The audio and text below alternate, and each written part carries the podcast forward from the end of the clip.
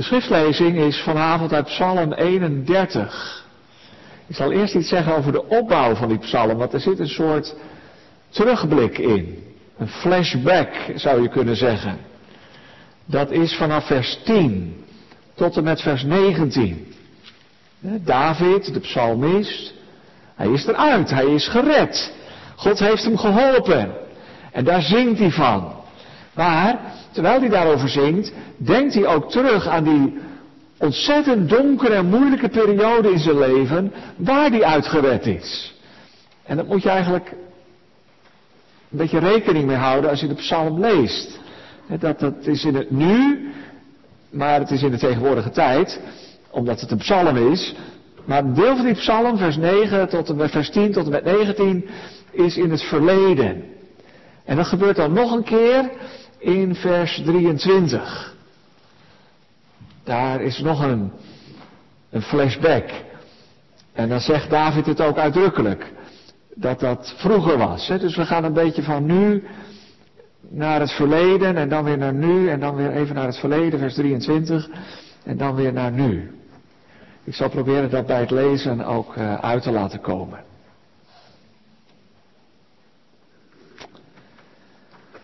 Een psalm van David voor de koorleider.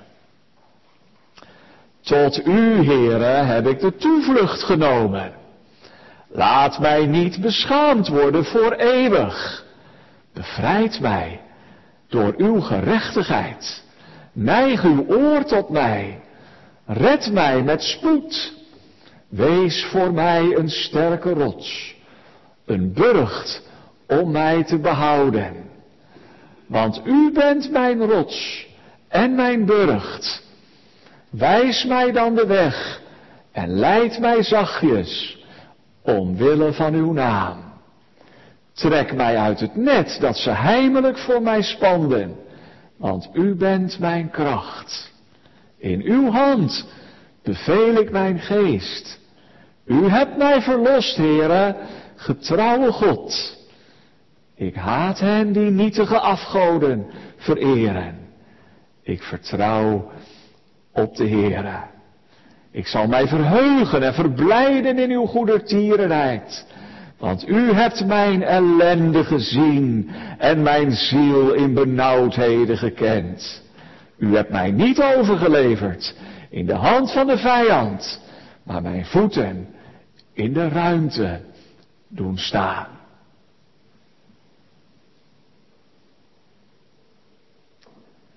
Wees mij genadig, heren, want angst benauwt mij. Verzwakt van verdriet is mijn oog, mijn ziel en mijn buik. Want mijn leven teert weg door verdriet en mijn jaren door zuchten. Mijn kracht is vervallen door mijn ongerechtigheid en mijn beenderen zijn verzwakt. Vanwege al mijn tegenstanders ben ik tot een smaad geworden, voor mijn buren het meest, en tot een bron van angst voor mijn bekenden. Wie mij op de straat zien, ontvluchten mij. Vergeten ben ik als een dode, verdwenen uit het hart. Ik ben geworden als een gebroken kruik, want ik hoor de laster van velen, angst van rondom omdat ze tegen mij samenspannen. Ze bedenken plannen om mij het leven te benemen. Maar ik vertrouw op u, heren. Ik zeg, u bent mijn God. Mijn tijden zijn in uw hand. Red mij uit de hand van mijn vijanden en van mijn vervolgers. Doe aangezicht over uw dienaar lichten. Verlos mij door uw goedertierenheid. Heere, laat me niet beschaamd worden, want ik roep u aan. Laat de goddelozen beschaamd worden. Laat hen zwijgen in het graf. Laat de leugenlippen verstommen. De hooghartige taal, die hooghartige taal spreken tegen de rechtvaardige, vol hoogmoed en verachting.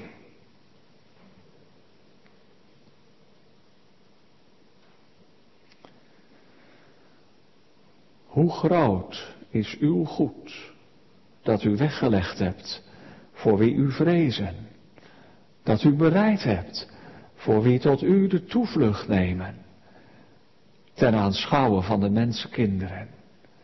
U verbergt hen in het verborgene van uw aangezicht, voor het hoogmoedig gedrag van een man. U doet hen schuilen in een hut voor het getwist van de tongen. Geloofd zij de Heere, want hij heeft wonderen aan mij gedaan, wonderen van zijn goedertierenheid. Hij bracht mij in een versterkte stad. Ik echter zei in mijn haast, ik ben afgesneden van voor uw ogen, maar toch hoorde u mijn luide smeekbeden toen ik tot u riep. Heb de Heere lief, al zijn gunstelingen. Want de Heere beschermt de gelovigen, maar vergeldt overvloedig wie hoogmoedig handelt. Wees sterk en hij zal uw hart sterk maken. U allen die op de Heere hoopt.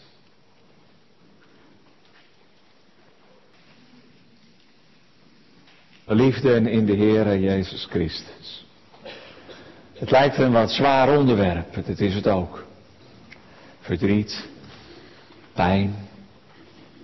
Je wordt er niet vrolijk van. Misschien dat de jongeren in de kerk zijn en zeggen, nou, hè, hè, moet daar een hele preek over gaan, over het verdriet. Ja, het is wel een bijbels onderwerp. Maar voordat ik dan die twee vragen beantwoord, laat ik er eerst even iets over zeggen waarom ik het belangrijk vind. Voor ons allemaal. Om hierover na te denken. Vanuit de Bijbel.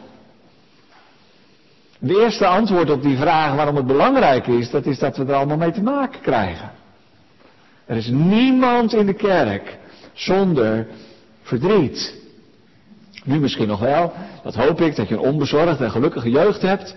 Maar er komt gewoon natuurlijk een moment dat er dingen in je leven gebeuren. Misschien is dat al zo geweest. En anders komt dat zeker, dat je met verdriet te maken krijgt. Allemaal. En daarom is het belangrijk, denk ik, om erover na te denken. Niet alleen voor jezelf, dat zou egoïstisch zijn, maar ook voor mensen om je heen. Kijk maar in je vriendengroep. Of in de buurt. Of in de familie. Er zijn mensen met verdriet. En wij vinden het over het algemeen heel moeilijk om daarmee te dealen. Om daar goed mee om te gaan. Dat is ongemakkelijk. Nou, misschien dat we iets kunnen leren vanuit deze psalm. Hoe moet ik ermee omgaan als andere mensen verdriet hebben? Denk aan de vrienden van Job. Die kwamen in ieder geval opzoeken. Keken niet weg. En ze waren stil. Dan zeven dagen lang staat er. En toen begonnen ze te praten, toen ging het nog mis. Dan zeiden ze allerlei dingen die Job niet echt geholpen hebben. Het is voor ons allemaal belangrijk. En dat is het tweede, het schuurt ook altijd. Verdriet is een emotie. Een gevoel. Je hebt wel meer gevoelens. De basisgevoelens, ik ben boos. Ik ben bang. Ik ben blij. En ik ben verdrietig. Dat is een van de vier, misschien zijn er nog wel een paar meer te noemen. Maar de vier emoties die ons raken. En dat is maar één fijne emotie, dat is blijdschap boosheid, angst en verdriet schuren.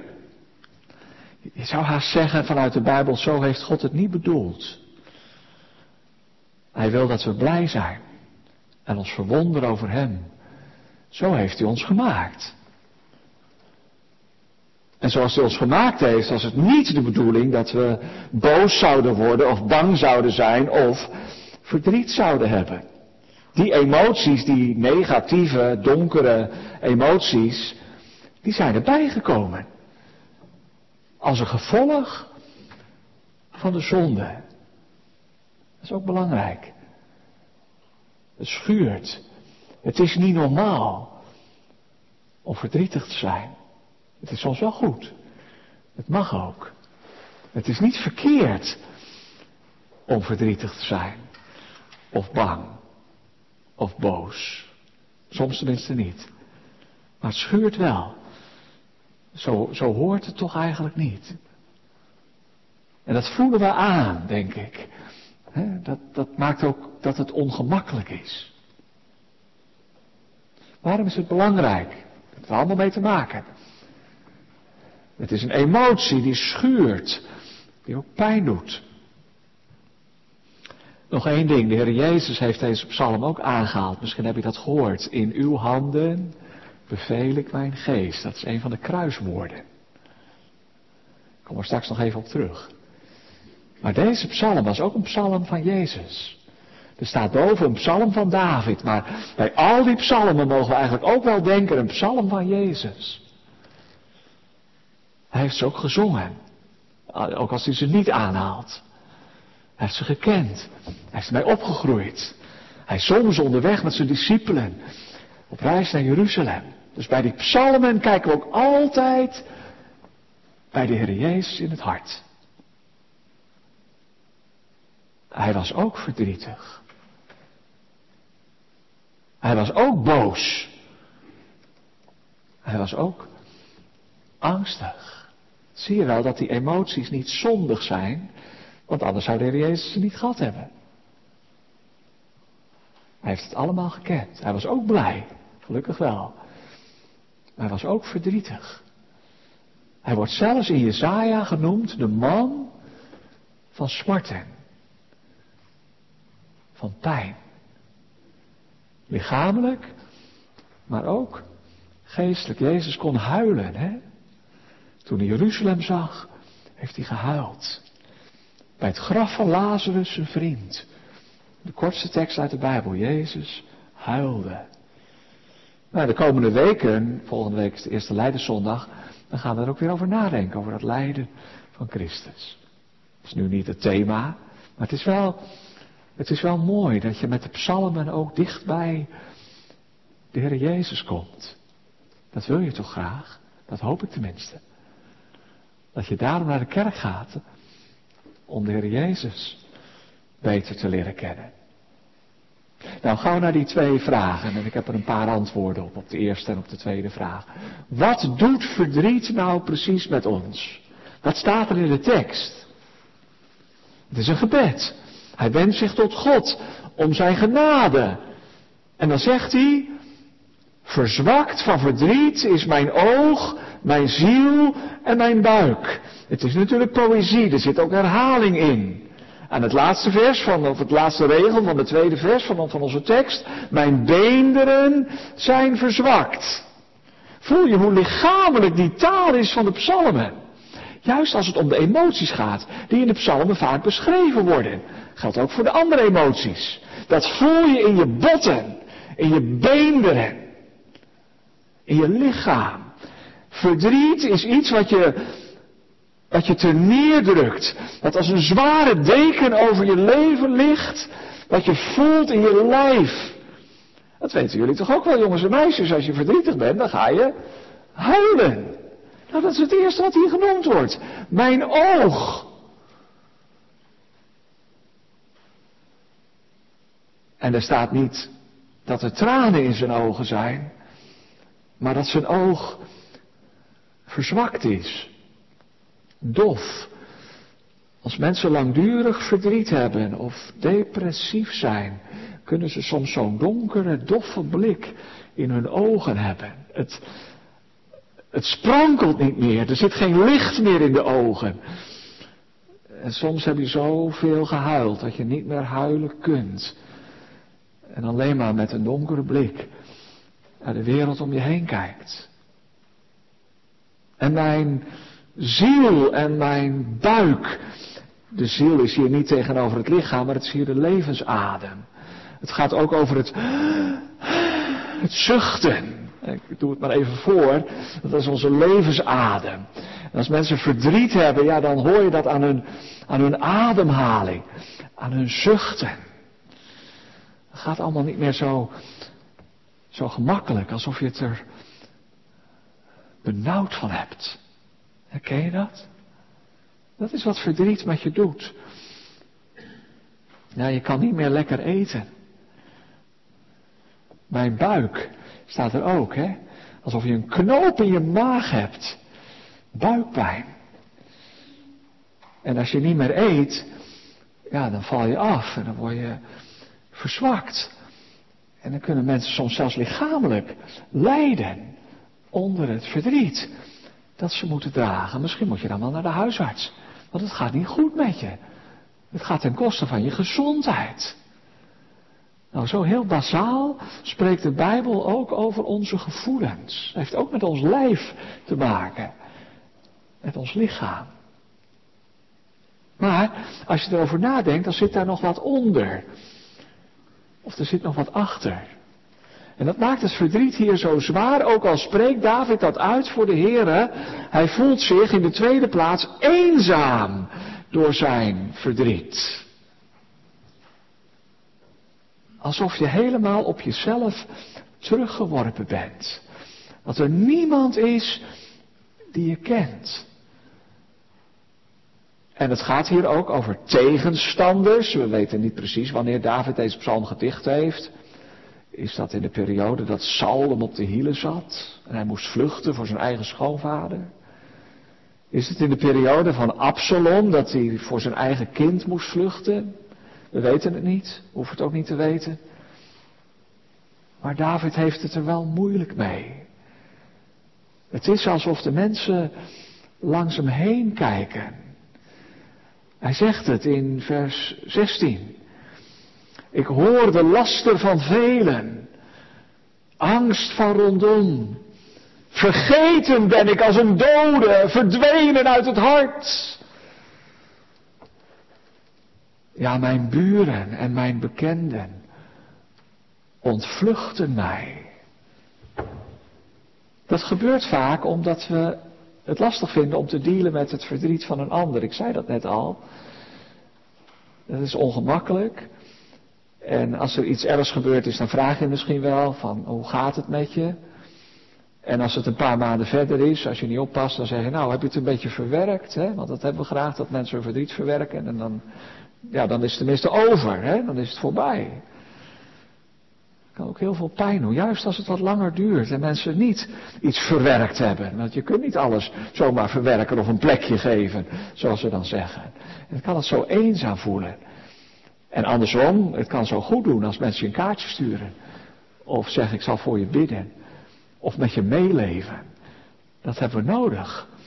Eenzaamheid versterkt het verdriet. En het verdriet versterkt het gevoel van eenzaamheid. Hij kijkt me niet meer aan. Ja, misschien is dat inbeelding, dat weet je ook niet. Je moet een beetje voorzichtig mee zijn hoor. Hij wil me niet meer groeten of zij kijkt me niet meer aan. Soms zit dat ook tussen je oren. Misschien heeft iemand het gewoon niet goed gezien. Maar dat gevoel, hè, en, en, en het is toch ook wel vaak waar dat mensen het ongemakkelijk vinden. Zeker als er wat is of als er wat speelt. Ja. Hoe vraag je daar dan naar? Hoe begin je erover? En mensen ontwijken je. En jij hebt in ieder geval het gevoel van grote eenzaamheid. Nog even denken aan de Heer Jezus.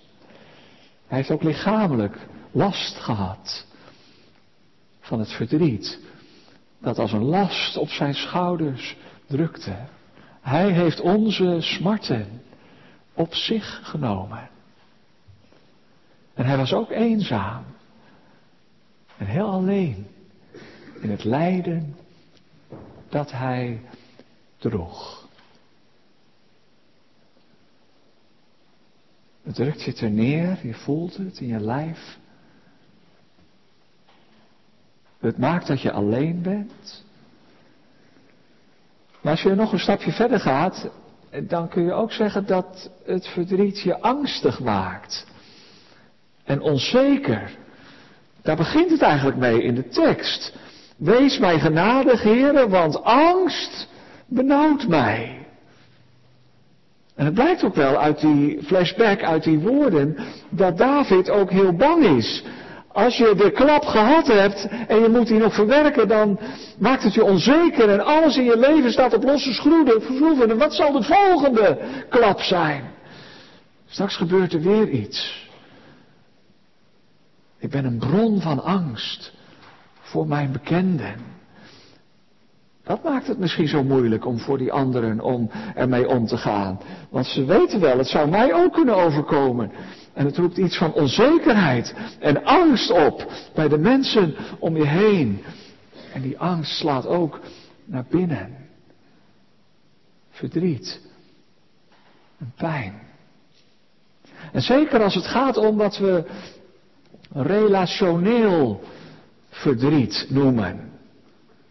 Ja, daar hebben we een woord voor. Dat is rouw. Rouw is misschien wel de ergste vorm van het verdriet.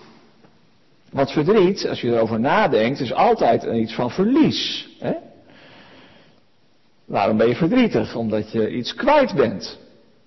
Misschien een droom die in duigen valt, omdat je ja, je opleiding niet kon afmaken. Hè? Dat maakt je verdrietig. Of waarom zijn kinderen verdrietig? Ja, omdat er iets kapot is of omdat dat ze iets kwijt zijn. Of misschien ben je wel verdrietig omdat je gezondheid kwijt bent. Met long covid. Of met uh, een andere chronische ziekte. Ja, dat, dat is pijnlijk. En mensen vinden het ook moeilijk om daarmee om te gaan. En het, het geeft ook een stukje eenzaamheid. Je bent iets kwijt. Maar, maar, hier in de psalm, tussen de regels door, merk je dat het gaat om gebroken relaties. En als er iemand, een geliefde, van je zijde wordt weggerukt, met wie je geleefd hebt, van wie je gehouden hebt, je man, je vrouw, je vader of moeder, als je jong bent, je kind. Misschien zijn er mensen in de kerk die een kind naar het graf gebracht hebben. Er is geen, geen groter en pijnlijker verdriet dan dat. De dood maakt scheiding. Ik noemde dat net relationeel verdriet. Dat klinkt een beetje technisch misschien, maar het heeft dus met een relatie, met een gebroken relatie te maken. Dat was bij David ook zo. En misschien, ik zeg het heel voorzichtig, is het nog erger als je mensen aan het leven verliest dan aan de dood. Ik denk even aan zijn zoon Absalom. Als dat het inderdaad is en geweest is, wat sommige uitleggers zeggen. Absalom, mijn zoon, mijn zoon. Ja, hij stierf in de strijd. Maar David was hem al eerder kwijt. Vanwege die gebroken relatie. Als je kind nooit meer thuiskomt. In een echtscheiding, een vechtscheiding. Wat een rouw. Wat een verdriet. Wat een pijn. En daar zit dus altijd, dat was het derde antwoord op die vraag, wat gebeurt er met je, wat doet het met je? Er zit ook altijd iets van angst bij. Van angst en, als we goed lezen, en dat is het vierde en het laatste in antwoord op die eerste vraag, ook van zelfverwijt. Misschien zit dat nog wel het allerdiepste. Als David zegt, mijn kracht is vervallen. Ik heb gewoon geen kracht meer. Ik kan er niet meer tegenop. Mijn kracht is vervallen vanwege mijn ongerechtigheid. Het is niet altijd terecht. Maar het is altijd wel een aspect van dat verdriet dat je je gaat afvragen, waar komt het nou vandaan? Waar heb ik dit aan te danken? Waar heb ik het aan te wijten? Waar is het misgegaan? Je voelt je niet alleen eenzaam en verdrietig, maar ook schuldig. Je bent tekortgeschoten. En je bladert terug in de bladzijde van je levensboek en je zoekt naar een oorzaak, naar een reden waarom het zo en zo is gebeurd. Het is wel gevaarlijk. De vrienden van Job deden dat ook. En ze zeiden, Job, er is vast iets geweest in je leven. Kom nou maar voor de dag, dat helpt. En beleid je zonden en dan zal de Heer je zegenen. Maar dat hielp niet, want er was niks. En dat wist Job. Hij zegt, ik ben oprecht voor de Heer. Natuurlijk, Net zoals wij allemaal had Job ook zijn fouten en gebreken. Maar er was geen reden dat hij zo gepakt werd. Zo gestraft werd. Dat hij zoveel pijn moest lijden. Job was een voorbeeld in de Bijbel van de leidende rechtvaardige. Dat kan dus ook. En daarom moeten we voorzichtig zijn. Zeker voor een ander, maar ook voor onszelf. Om, om het eh, te linken aan iets wat misging in ons leven. Dat kan het verdriet soms alleen nog maar groter maken en ons drijven naar de wanhoop. Zie je wel? Zie je wel? Mispunt je bent. En dan gaat het ene na het andere mis in je leven. Had ik maar. Had ik maar. En dan komt er bij dat verdriet ook nog iets van, van wroeging. En van diepe pijn in je ziel. Dat zegt David in die tweede flashback. Als hij zegt, ik zei wel in mijn haasten, ik ben afgesneden van voor uw ogen. Nou wil God ook nog niks meer met me te maken hebben. Het is over en uit. Zie je wel, ik heb het er ook naar gemaakt. En bij David zat daar ook nog wel een kern van waarheid in. Het zwaard zal van uw huis niet wijken vanwege zijn verkrachting van Bathseba en de moord van Uria. David had het ook aan zichzelf te wijten dat het zo liep in zijn leven. Een grote schuld. Mijn kracht is vervallen vanwege mijn ongerechtigheid. En dan kan het heel donker zijn als dat verdriet en die eenzaamheid en de angst en de onzekerheid leidt tot een diep schuldgevoel. Wanhoop. Een, zeggen wij dan, een zware depressie. als mensen echt zwaar depressief zijn, dan geldt wat in een van de andere psalmen staat, mijn ziel weigerde getroost te worden. Dan is er niks wat helpt. Wat je ook zegt en wat je ook doet. Je kunt iemand niet uit de put tillen. Als je ernaast gaat zitten, dan voel je als het ware de zwaartekracht die je zelf naar beneden zuigt. En je voelt je zo leeg en ellendig als je weer naar huis rijdt en je bent bij iemand op bezoek geweest die echt depressief is. En dan is de neiging groot om te denken, ga er maar niet meer naartoe. Want het helpt toch niks. Maar dat is wel gevaarlijk. We moeten elkaar ook in die diepe donkerheid niet loslaten. Niet in de steek laten. Ook al is het misschien waar dat als iemand echt depressief is, dat er ja, medicijnen en therapie, maar dat er weinig is, dat helpt. Nou, zo zijn we de ladder afgedaald, hè, van lichamelijk naar eenzaamheid, naar angst, naar ik ben afgesneden van voor uw ogen. Een zwaar gevoel van schuld.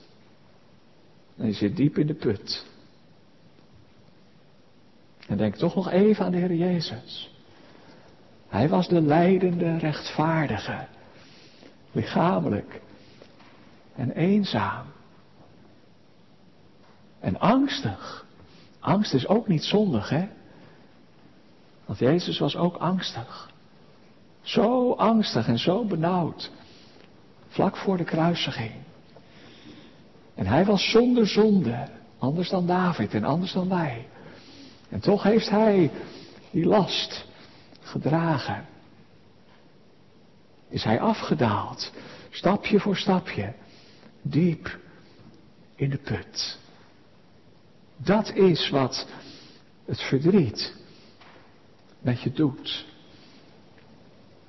En ook al moet je voorzichtig zijn om het te linken aan iets wat misging in je leven. Dat is niet altijd terecht. In het algemeen moeten we wel zeggen dat het een gevolg is van een breuk met God. Zo heeft God het niet bedoeld. Zo heeft God je niet gemaakt. Maar zo is het wel geworden. En in die wereld, in dat lijden, is de Heer Jezus afgedaald.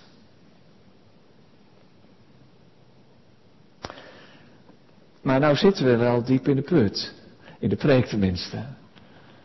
En is er nou nog een weg om daar weer uit te komen? Nogmaals, ik moet voorzichtig zijn, want als er mensen zijn die het betreft, wil ik geen goedkope antwoorden geven. En ik weet uit de pastorale ervaring hoe moeilijk het kan zijn als mensen echt lijden onder een depressie of echt verdrietig zijn. En toch, ik zou de psalm geen recht doen en het woord van God geen recht doen als ik u in de put zou laten. En dat we nu naar huis zouden gaan. Want de psalm spreekt ook over Gods grote daden. En over de weg die God met David gegaan is om hem op te beuren en te verlossen. Dat vind ik eigenlijk zo mooi dat het in die flashback, in die terugblik wel zo eerlijk eraan toe gaat. Dat hij echt verwoordt wat hij toen gevoeld heeft, zelfs in de tegenwoordige tijd.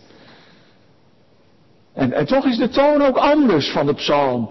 Het is in zekere zin een beleidenis van Gods redding en een lofpsalm op de grootheid en de goedheid van God. En dat zie je het duidelijkste in die tweede flashback in vers 23. Ik zei wel in mijn haast en ik ben afgesneden van voor uw ogen. Maar toch hoorde u mijn luide smeekbeden toen ik tot u riep. Zie je, daar zit die hele spanning in. Die spanning die ook in de grote flashback, waar we begonnen zijn te lezen met de tekst, die daar ook zit in het vijftiende vers. Maar ik vertrouw op u, Heere. Ik zeg, u bent mijn God. dus het daalt heel diep af en dan komt er toch een wending. Maar toch hoorde u de stem van mijn smeken. Wat is dat? Dan laat ik daar ook vier dingen bij aanstippen. toen we de put afdaalden was het lichamelijk. Het was de eenzaamheid, het was de angst en het was het zelfverwijt. Maar nou we in die put zitten en een weg terugzoeken met die tweede vraag, weet u nog, wat kun jij doen met je verdriet? Wat doet het verdriet met jou? Maar wat kun jij ermee doen?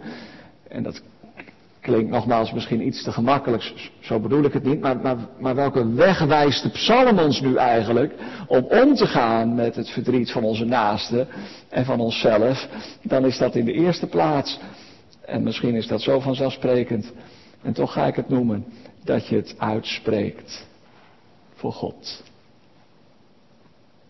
En toch hoorde u de stem van mijn smeken. Dat is wat. En daarom is het ook zo belangrijk om elkaar op te blijven zoeken. Ook al helpt het niks. En ga je zelf gedeprimeerd naar huis. Want dat er iemand is die naar je luistert. In die eenzaamheid. Ook al is het één lange klacht. En laat je ziel zich niet troosten. Maar dat er iemand is die, die naar je hoort. Wat kan dat ontzettend goed doen. Ja, dat zeggen mensen ook vaak achteraf. Als ze terugblikken op hun depressie. Al die goed bedoelde tips en aanwijzingen hebben me niet geholpen. Maar dat er mensen waren die naar me luisterden. Spreek het uit. En hier natuurlijk in de psalm gaat het niet om een pastoraal bezoek of om, om een vriend die je toch niet laat vallen, ook al is het moeilijk. Maar hier gaat het om God. David die zijn klacht uitspreekt voor de Heere. En die weet, de Heere luistert. Hij hoort het gebed. Dat betekent dat je je verdriet ook onder ogen moet zien. Dat je er niet van weg moet vluchten. Dat doen sommige mensen ook. Ze kunnen de pijn niet verdragen. Ze vluchten hierin, ze vluchten in hun werk. Of ze vluchten naar voren en ze, ze hebben geen tijd om even erbij stil te staan. Want ze zijn bang, als ik eraan toegeef, dan, dan zuigt het me naar beneden. Dat is niet goed. Je moet het wel onder ogen zien. En je mag het ook uitspreken. Ook al is het één lange klacht. Heren, waarom? Heren, hoe lang? En al de pijn en al het verdriet uh, spreidt David uit voor het aangezicht van de alwetende God. Vertel het maar aan Hem. Ook als je niet weet hoe je dat onder woorden moet brengen. Wil je dat proberen als je er zelf mee te maken hebt? En als je iemand opzoekt en hebt geluisterd, misschien is er dan ruimte als je zegt, zullen we samen bidden?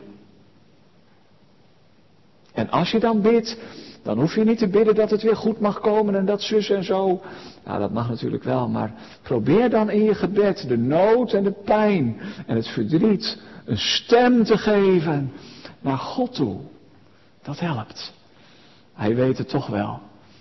Hij is alwetend. Maar hij hoort ook. Hij luistert naar de stem van ons smeken. En zo gaat het heel de psalm door. Heere, laat me niet beschaamd worden. Heere, tot u heb ik de toevlucht genomen. Daar begint het mee. Laat me niet beschaamd worden. Neig uw oor tot mij. Red mij met spoed. Wees een sterke rots voor mij. Een burcht om mij te behouden.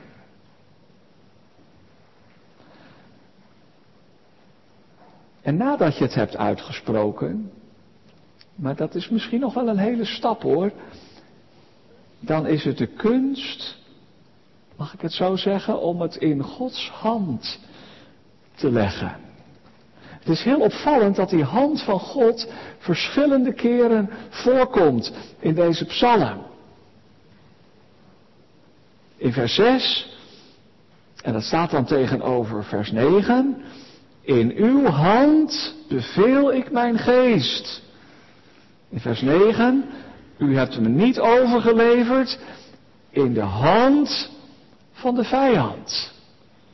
Ze staan tegenover elkaar. De macht van de vijand en de hand van God. En de hand is in de Bijbel niet alleen die duim en vier vingers en de handpalm, maar dat is eigenlijk de onderarm. Gij hebt een arm met macht, hè? God die voor je in de brust staat en het voor je opneemt. De macht van de hand van God.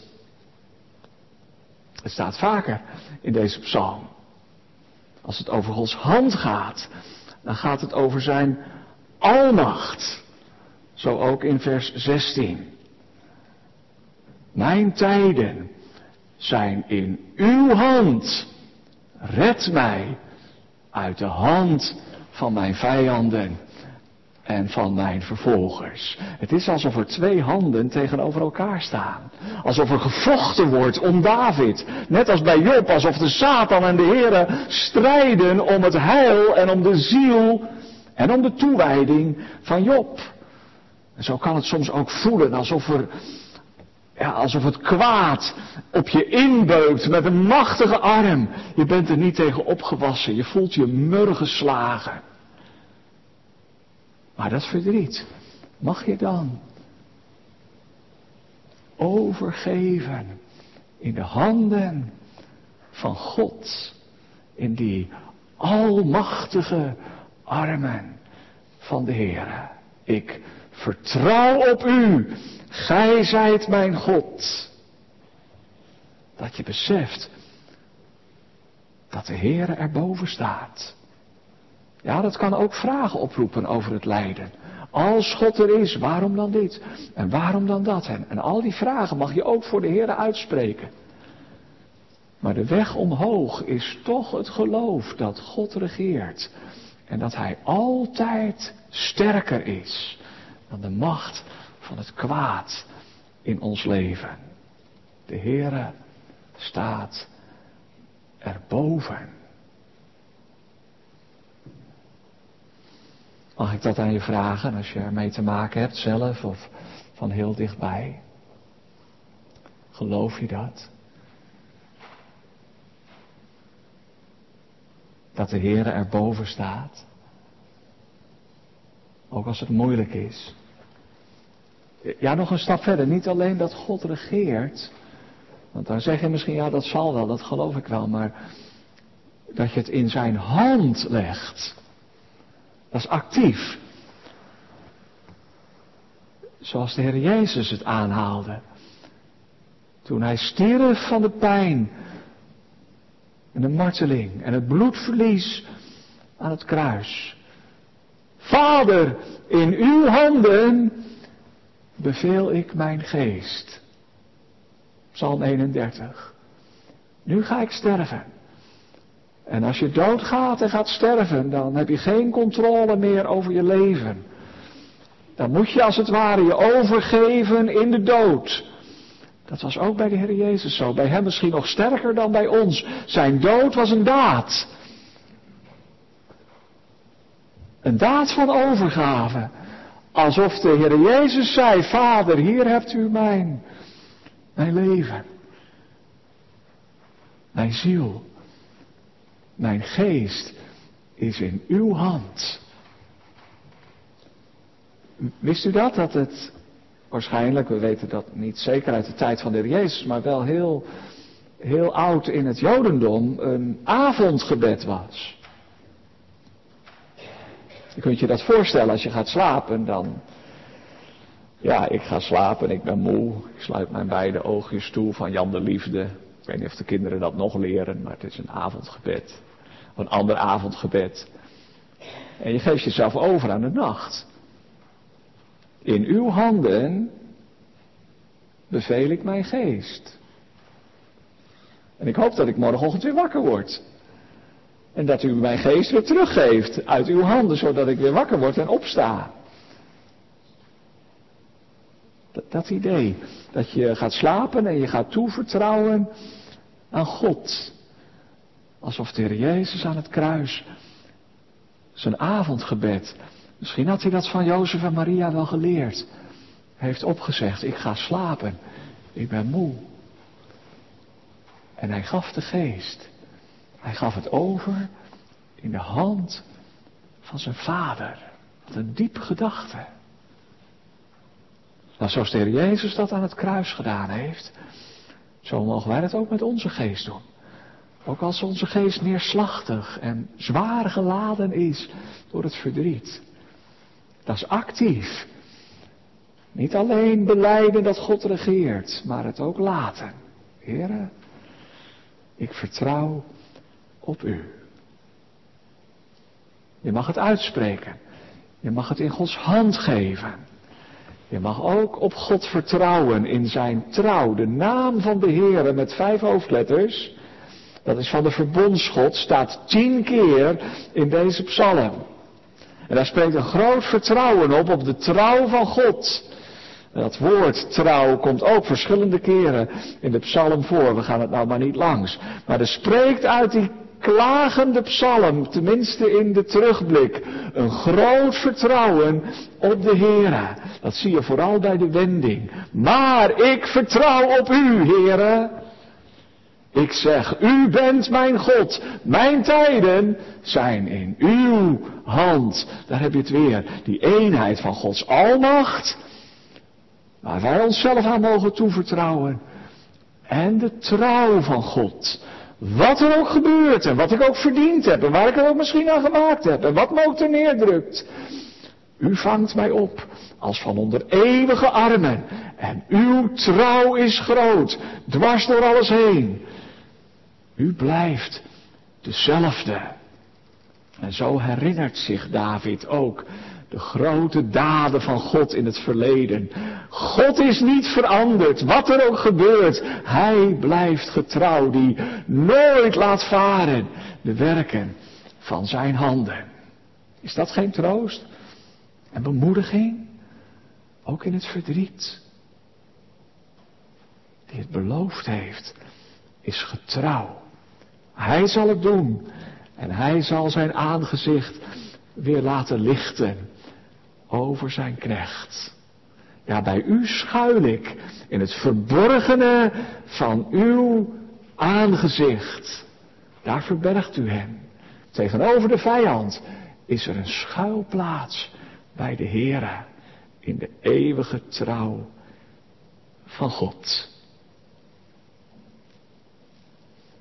Durf je dat aan? Om dat ook te delen met iemand die verdriet heeft? Luisteren is het belangrijkste, tenminste het eerste.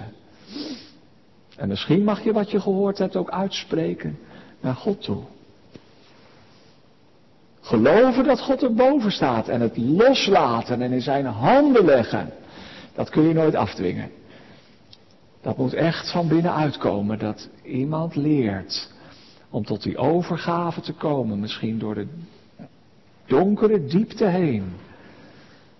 Bijna bodemloze put. En dan geeft iemand het soms ook op en zegt, ja, ik heb het ook niet in de hand. Mijn leven is in Gods handen. Vaak zit daar ook iets van ontspanning in, zou ik bijna zeggen. De spanning kan zo groot zijn. Dat je het gewoon niet kunt verdragen, niet kunt zetten, helemaal vastloopt. En dan gebeurt er soms iets van een wending. En dan kun je het loslaten. En aanvaarden. En in Gods hand leggen. Ook als het gaat om, zelfs als het gaat om diepe rouw. Het litteken blijft. De pijn gaat nooit helemaal over. Het komt iets van ontspanning, van overgave, van acceptatie. En dan kun je weer, kun je weer verder. En niet, niet goedkoop van heb je het al een plekje gegeven, dan kunnen we weer verder en dan hebben we er niet meer mee te maken. Heb je het al verwerkt? Zo niet. Maar ik zou bijna zeggen dat je het los mag laten. En in Gods handen mag leggen. En dat zich weer een nieuw perspectief opent. Dat er in plaats van die angst die je beheerst, wat zal de volgende klap zijn? En in plaats van die onzekerheid, iets van een rust komt. Van vertrouwen op de Heere alleen. Hij zorgt voor mij. Hij heeft het toch zelf beloofd. Hoe donker ook Gods weg mogen wezen. Hij ziet in gunst op die hem vrezen. Durf je dat aan om het los te laten en op de Heer te vertrouwen? En dan, vanuit dat perspectief, van het loslaten en het nieuwe vertrouwen, en daar eindig ik mee. Dan zie je de wending. Na de flashback in vers 19 is het meteen in vers 20. Hoe groot is uw goed dat u weggelegd hebt voor degenen die u vrezen. Dat u bereid hebt voor hen die tot u de toevlucht nemen ten aanschouwen van de mensenkinderen. Hoe zal ik dat noemen? Het is alsof David de balans opmaakt. En hij zegt, ja het verdriet is groot.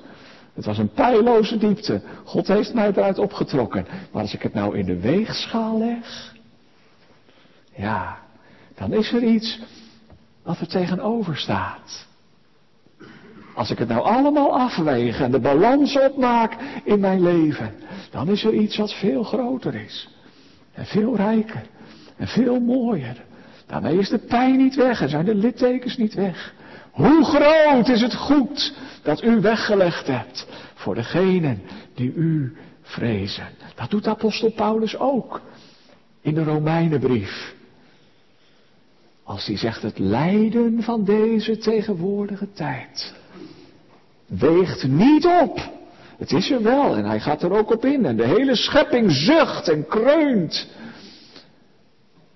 En Paulus voelt de pijn. En hij denkt aan de Heer Jezus. Want God heeft ook zijn eigen zoon niet gespaard. In dat lijden en in die pijn. Maar als hij dan uiteindelijk de balans opmaakt. Al is die weegschaal nog zo zwaar die ter neerdrukt aan de ene kant. Dan zegt hij, het lijden van deze nu wereld weegt niet op tegen de heerlijkheid die aan ons geopenbaard zal worden. Dat biedt perspectief. Door de zonde is het verdriet en de pijn en de rouw in de wereld gekomen. Maar er is een belofte van een nieuwe hemel en een nieuwe aarde waarop gerechtigheid woont. En God zal alle tranen van hun ogen afwissen. En de dood en de rouw en de pijn en het verdriet zullen er niet meer zijn. Dat is zijn belofte. We hebben nu nog niet het zicht op die volle heerlijkheid die eenmaal komen zal. Maar David spreekt er hier wel van. Met een retorische vraag. Hoe groot is het goed dat u weggelegd hebt voor degenen die u vrezen? En dat goed is niet alleen straks, in de hemel, in de heerlijkheid, maar dat is er ook nu, in de liefde van God en van de Heer Jezus Christus. Als je je mag verbergen in het verborgene van zijn aangezicht. Als je heel dicht bij Hem mag zijn. Ja, als je mee mag zingen met deze psalm. Geloofd zij de Heere, want Hij heeft wonderen aan mij gedaan. Wonderen van Zijn trouw. Hij bracht mij in een versterkte stad. God verlost uit grote nood. En op die toonhoogte eindigt deze psalm. Ik vat het nog één keer samen. Wat kun je ermee doen met dat verdriet? Spreek het uit. Hij hoort. Leg het in zijn hand. Hij regeert. En hij is machtiger dan het kwaad. Spreek het uit, leg het in zijn hand. Vertrouw op hem, op zijn trouw. Hij heeft het beloofd. Hij is de Heer. Hij laat je niet los, ook al voelt het zo. En verwacht een heerlijke toekomst, die zo rijk en zo groot zal zijn, dat al het verdriet wat er is en wat er mag zijn, daarbij in het niet valt. En denk vooral aan de Heer Jezus, die nog, nog dieper is afgedaald dan wij ooit kunnen zinken. Amen.